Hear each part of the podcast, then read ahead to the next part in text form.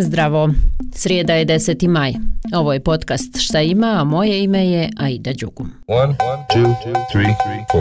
Vijeće sigurnosti Ujedinjenih naroda raspravlja o Bosni i Hercegovini. Kao što je tradicija, visoki predstavnik Kristijan Schmidt podnosi izvještaj o situaciji u BiH.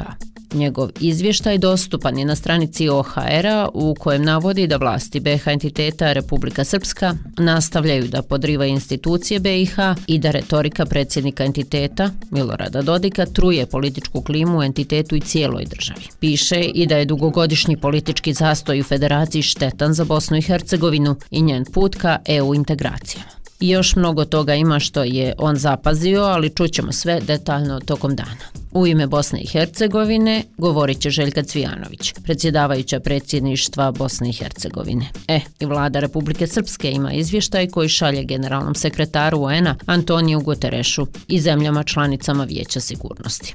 E da i, a mislim da je o tome za sada dovoljno informacija. Eto tako sam procijenila. I prošlo je stotinu dana rada vijeća ministara.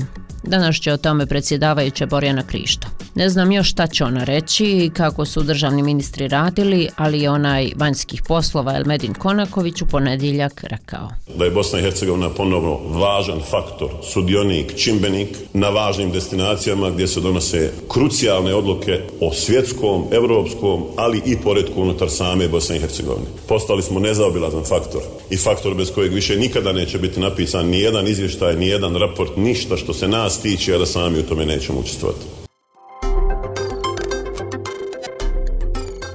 I da se malo udaljimo od politike, jer politika neka donosi i loše i stresne vijesti, a to nije najzdravije za nas. To smo valjda naučili. A ono što jeste zdravo je redovna fizička aktivnost. I što vam sad ovo govorim? Svjetska zdravstvena organizacija promiče zdrave stilove života i navodi redovnu fizičku aktivnost kao jedan od najvažnijih preduslova dobrog zdravlja. I zato je 10. maj, što je danas i Međunarodni dan fizičke aktivnosti, odnosno dan kretanja za zdravlje. A ko je najpozvaniji da o tome govori? Pa, profesori zdravstvenih studija, oni iz Sarajeva, Tako profesorica Gordana Manić kaže. Tjelesna aktivnost, e, ja bi se samo onako kratko pozvala na definiciju Svetske zdravstvene organizacije, da ona u stvari mora biti takva da joj pojedinac svako pona osob pristupa dobrovoljno, da je takva jedna aktivnost u stvari pozitivno utiče ne samo na fizičko zdravlje, jednostavno da pojedinca uključi u jedan život, da mu olakša život u društvenoj zajednici, da mu daje jedan osjećaj e, samopouzdanja i zadovoljstva prvenstveno.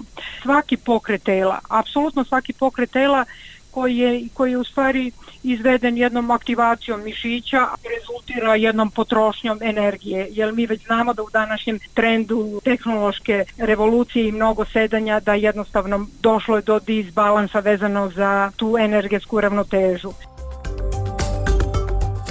E kad smo kod disbalansa, da pomenem da kineski sendvič od mesa i somuna poznat kao roujamo nazivaju najstarijim hamburgerom na svijetu. Mislila sam da je hamburger novije proizvodnje, ali kao mnogo toga u Kini, vrijeme kad je nastao nije precizno definisan. Kad smo već kod hamburgera ili kod fizičke aktivnosti, ja biram ovo drugo.